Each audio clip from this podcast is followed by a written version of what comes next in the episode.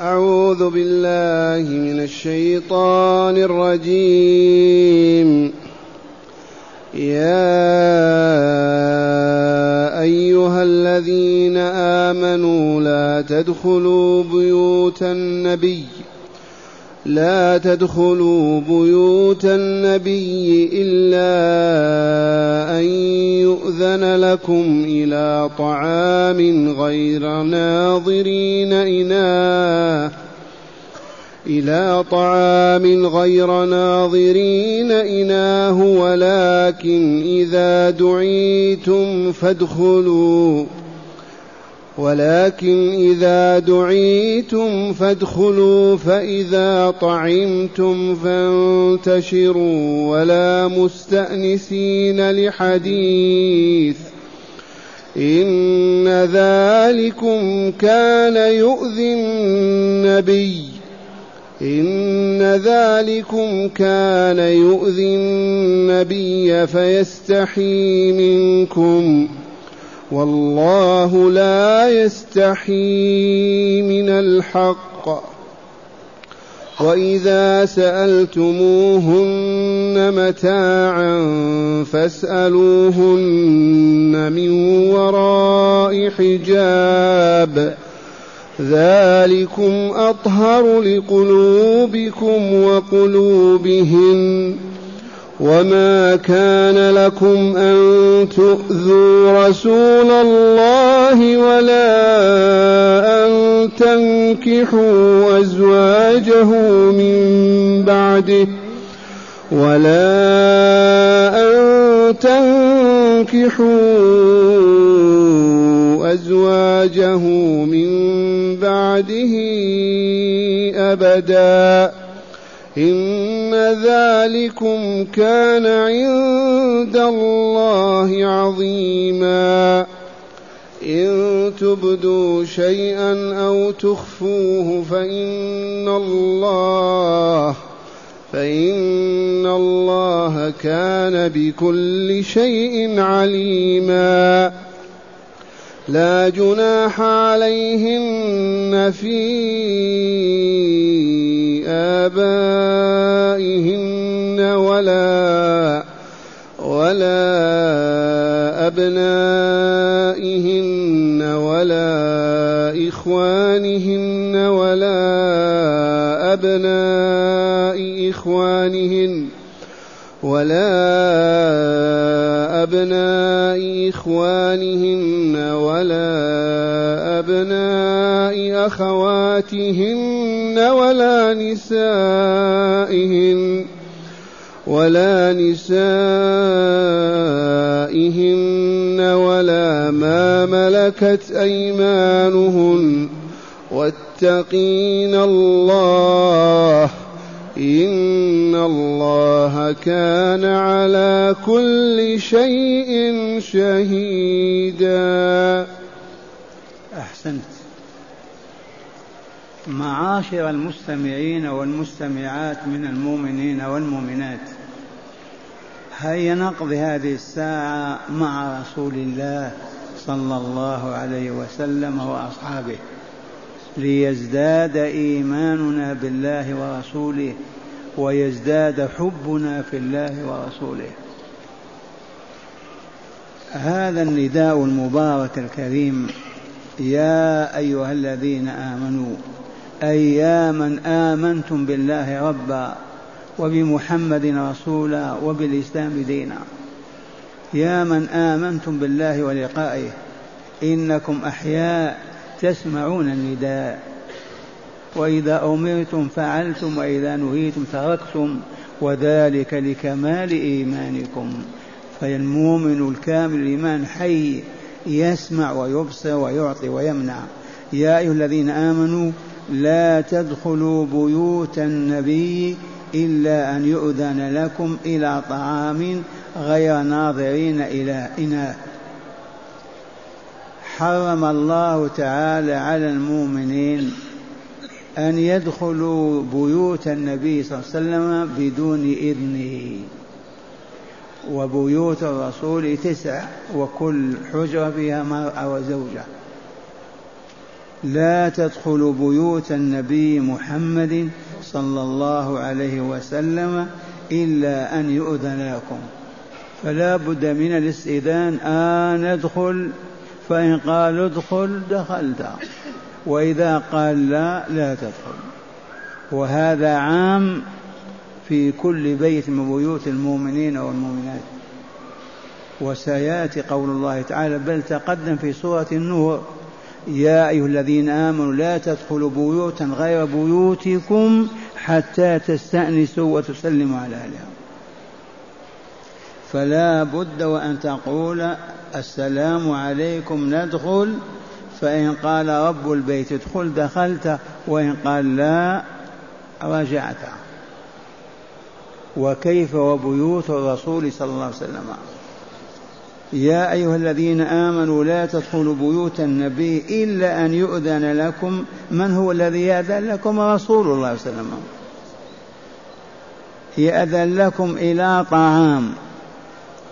وكان هذا في وليمة زينب بنت جحش رضي الله عنها لما عقد الله تعالى لها النكاح في السماء وبشر بذلك رسول الله ونزل جبريل به أقام الرسول بمأدوبة فخمة عظيمة لحوم وأخباز. إذا إلا أن يؤذن لكم إلى طعام تأكلونه وليمة من الولائم سواء بعد الظهر ولا بعد العصر ولا بعد المغرب. حال كونكم غير ناظرين إناه الإناه هنا الوقت ومعنى هذا إذا دعيت إلى الغداء ما تأتي من الضحى وتجلس في بيت الرسول صلى الله عليه وسلم. تأتي بعد صلاة الظهر تدخل. إذ بعض البهاليل ما دامت الدعوة موجودة أي نمشي نتنفس. فيجلسون قبل الوليمة بالساعة والساعتين وفي هذا مضايقة على أهل البيت. والرسول ما أطاق هذا وإن كان ما استطاع لكن الله كفاه. وبين لأوليائه ماذا يفعلون مع رسول الله صلى الله عليه وسلم. غير ناظرين وقت الطعام ما تدخلوا حتى يوجد الطعام. أما وهو يطبخ أو ما زال ما وصل البيت وتذهبون البيت تضايقون أهل البيت ما يجوز هذا. وفعله بعضهم فنهاهم الله عن ذلك ومنعهم منعا باتا وهذا عام في بيوت المؤمنين أجمعين. غير ناظرين إناه ولكن إذا دعيتم فادخلوا. ما تأتون بدون إذن. إذا دعيتم تفضلوا ادخلوا ادخلوا. فإذا دعيتم فادخلوا فإذا طعمتم اخرجوا. فإذا طعمتم فانتشروا. هذا إلى بيتي وهذا إلى بيتي هذا إلى دكاني وهذا إلى عملي لأن جماعة من البهاليل أيضا يجلسون بعد الأكل. وزينب في في جانب الغرفة ساكتة وهم يتكلمون ويستأنسون بأحاديثهم. وهذا ما ينبغي. طعمت فرغت أخرج. والرسول دخل عليهم ما استطاع يقول اخرجوا والله مرتين أو ثلاثة حتى نزلت الآية. استحى أن يقول قوموا أكلتم اخرجوا. تبهتم؟ نحن الآن نقولها. نعم تغديتم مع السلامه اخرجوا. لكن الحبيب صلى الله عليه وسلم أخلاقه فوق مستوى أخلاق البشر. دخل عليهم ما قال اخرجوا لكن ما هو راضي ببقائهم؟ مرتين أو ثلاثة. ولا مستأنسين لحديث الاستئناس بالحديث يتحدثون فلان فلان فلان كذا كما تعرفون أحاديث الناس. ولا مستأنسين لحديث إن ذلكم كان يؤذي النبي وبالفعل آذاه وتألم له. كان يؤذي النبي فيستحي منكم. لكمال خلقه ما يقول اخرجوا تغديتم اخرجوا ما استطاع لكمال خلقه السامي العالي الرفيع فيستحي منكم والله لا يستحي من الحق. الله يقول الحق ما يستحي منه. إذا فمعشر المستمعين والمستمعات من دعاه أخوه إلى غدا أو عشاء أو وليمة إذا فرغ يقول نخرج. ما يبقى ساكت يستأنس بالحديث. يؤذي أهل البيت. أو ما تستطيعون هذا. سهل والحمد لله. ثم قال تعالى وإذا سألتموهن متاعا فاسألوهن من وراء حجاب. إذا كنت في الغرفة أو في الحجرة واحتجت إلى إناء إلى ماء إلى ملعقة إلى كذا اسأل من وراء الحجاب. لا تزيل الحجاب وتقول يا فلان أعطيني. هذا في زوجات الرسول أمهات المؤمنين. فما بالك بغيرهن؟ من كان في بيت أخيه دعاه إلى وليمة واحتاج إلى شيء ما يكشف الحجاب عن النساء. يسألهن من وراء الحجاب أعطوني ملعقة أحضروا لنا الماء مثلا. فاسألوهن من وراء حجاب والحجاب الستار الذي يستر باب كان وهواق أو ما إلى ذلك. وإذا سألتموهن متاعا فاسألوهن من وراء حجاب. ثم يقول تعالى ذلكم أطهر لقلوبكم وقلوبهن. هذه تفهموها أيها الشبان بل أيها الفحول. ثيقوا وإن رفضتم أن من تكلم مع امرأة أجنبية غير محرم لا بد وأن يقع في نفسه شيء. أحب أم كره؟ من تكلم مع أجنبية كلاما مشافها يسمع كلامها وتسمع كلامه لا بد وأن يقع في في قلبي شيء من الزيغ. أو ما فهمتم الزيغ؟ يتذكر الشهوة. تذكر الجماع تفكر النساء يذكر هكذا. لا بد هذا. واسمع ما يقول الله عز وجل ذلكم أطهر لقلوبكم. يا من إذا سألتموهن اسألوهن من وراء حجاب فهذا السؤال من وراء الحجاب أطهر لقلوبكم وقلوب المؤمنات أيضا. فالمؤمنة تتأثر بكلام الرجل والله العظيم. فلهذا لا يحل لمؤمن أن يتكلم مع مؤمنة من غير محارمه إلا من ضرورة. يا شيخ إنها تغني في الإذاعة إنها تفتي وتسأل وتجيب. والله لهذه النصوص الكريمة. لا يحل لمؤمن ولا مؤمنة أن يستمع إلى صوت أجنبية إلا من ضرورة. حاجة تدعو إلى ذلك. أما فقط يسمع ويد يتلذذ والله ما جاز. وهذا النص واقع. ذلكم أطهر لقلوبكم وقلوبهن. أي المؤمنات اللائي تتكلمون معهن. فإن كانت ضرورة لا بأس. وقد تقدم. قرعت الباب تقول من؟ ما نزيد كلمة على هذه. أين أبو إبراهيم؟ لا أدري. أو في المسجد. ما تزيد كلمة ثانية. أما ما سمعناه وتبن منه مين؟ أين إبراهيم؟ مين؟ لم هذه الإمالة هذه؟ من؟ هكذا قولا معروفا كلمة واحدة في المنزل لا أدري وهكذا. لأن كلامها لا يحل لذلك الرجل أن يتلذذ به ويسمعها ويسمعه وهي كذلك. وإذا سألتموهن متاعا فاسألوهن من وراء حجاب ذلكم أطهر لقلوبكم وقلوبهن. ثم قال تعالى وما كان لكم أن تؤذوا رسول الله. أذية الرسول كالكفر من أكبر الذنوب. ما كان لكم أن تؤذوا رسول الله ولا أن تنكحوا أزواجه من بعده أبدا. وهذه نزلت في بعضهم قال إذا توفي رسول الله أنا أتزوج عائشة. تبعتم وهذه طباع البشر هذه قلوبهم.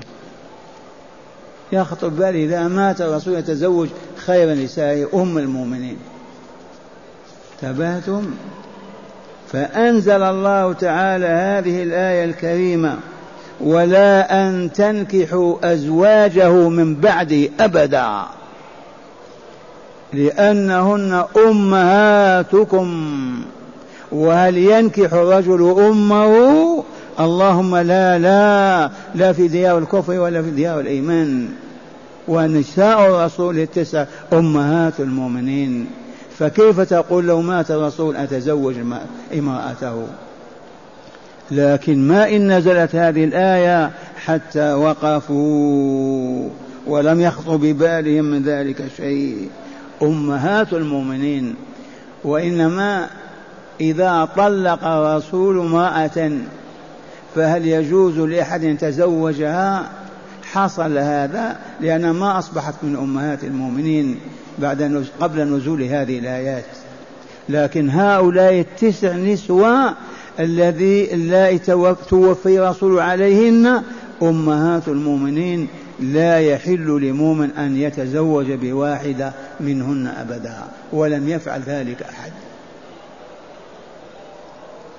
هكذا يقول تعالى وما كان لكم أن تؤذوا رسول الله في بيته في أهله في عرضه ولا أن تنكحوا أزواجه من بعده. إن ذلكم كان عند الله عظيما. قلت لكم قريب من الكفر من أكبر الكبائر أذية رسول الله صلى الله عليه وسلم.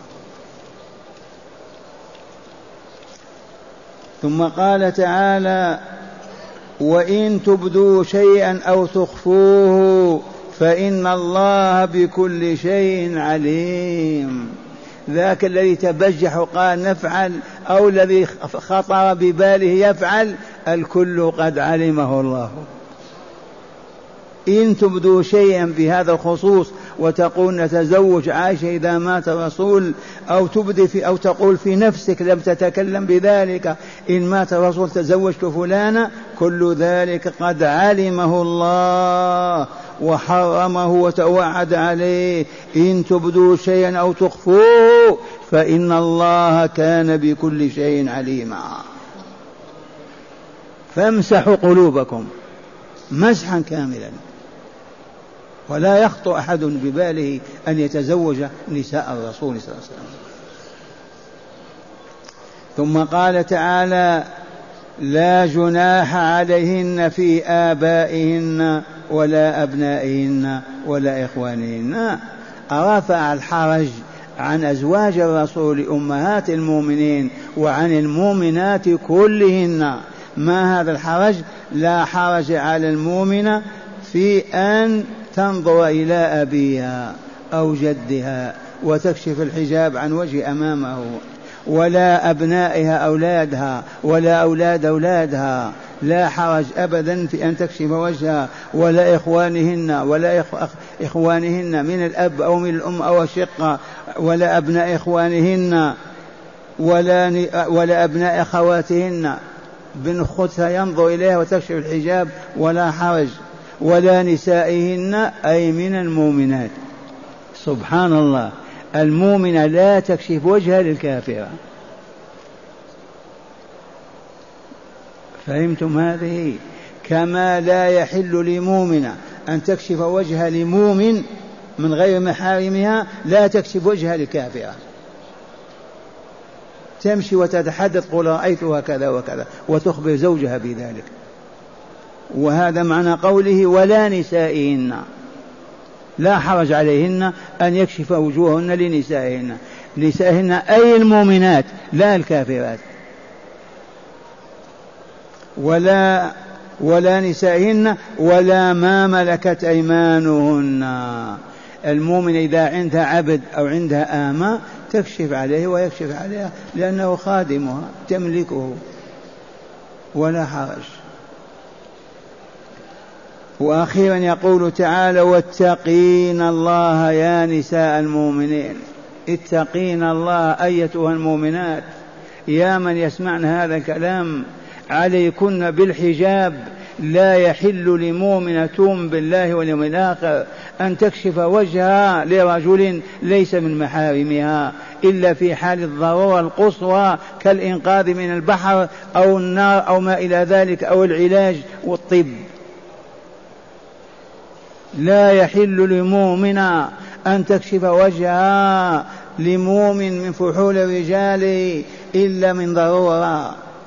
اللهم إلا من بين تعالى وقال لا جناح عليهن في آبائهن ولا أبنائهن ولا إخوانهن ولا أبناء إخوانهن ولا أبناء أخواتهن ولا نسائهن ولا ما ملكت أيمانهن.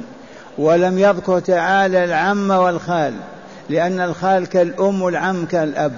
وإنما السر في عدم ذكرهما أن العم قد يصف هذه لابنه. قد يصفها لابنه. وهذا ما ينبغي. فلهذا ما نذكر العم ولا الخال. هكذا يقول تعالى واتقين الله إن الله كان على كل شيء شهيدا حاضرا عالما عارفا به ويجزي بحسب علمه وقدرته. ألا فلنتق الله عز وجل. ألا فلنتق الله عز وجل. نحن الفحول ما ننظر إلى نساء المؤمنات إلا محارمنا فقط. والمؤمنات عليهن أن لا يكشفن وجوههن إلا لمحارمهن فقط. هذا نظام حياتنا حتى نلقى الله عز وجل. وهذا كلام الله. مع هداية الآيات. بسم الله والحمد لله. من هداية هذه الآيات أولا بيان ما ينبغي للمؤمنين أن يلتزموه من الآداب في الاستئذان والدخول على البيوت لحاجة الطعام ونحوه. كما علمتم فيه بيان ما يجب علينا من الآداب والأخلاق. إذا دعينا إلى طعام إلى وليمة كيف ندخل كيف نستأذن؟ إذا فرغنا كيف نخرج؟ ما ننظر إلى نساء البيت ما نناديهن ما نكشف وجوههن وهكذا. آداب عظيمة في هذه الآية. لنا أعيد أعيد. بيان ما ينبغي للمؤمنين أن يلتزموه من الآداب في الاستئذان والدخول على البيوت لحاجة الطعام ونحوه. ونحوه. نعم. ثانيا بيان كمال الرسول صلى الله عليه وسلم في خلقه في أنه لا يستحي أن يقول لضيفه اخرج من البيت فقد انتهى الطعام. أي كمال أعظم من هذا الكمال الخلقي؟ والله لا أحد أكمل الخلق من خلق الرسول صلى الله عليه وسلم. يكفيك ما يستطيع يقول للضيف اخرج. هو دعاه ليأكل ما يقول له اخرج. واستحاء والله لا يستحي وقال ما قال فيهم نعم.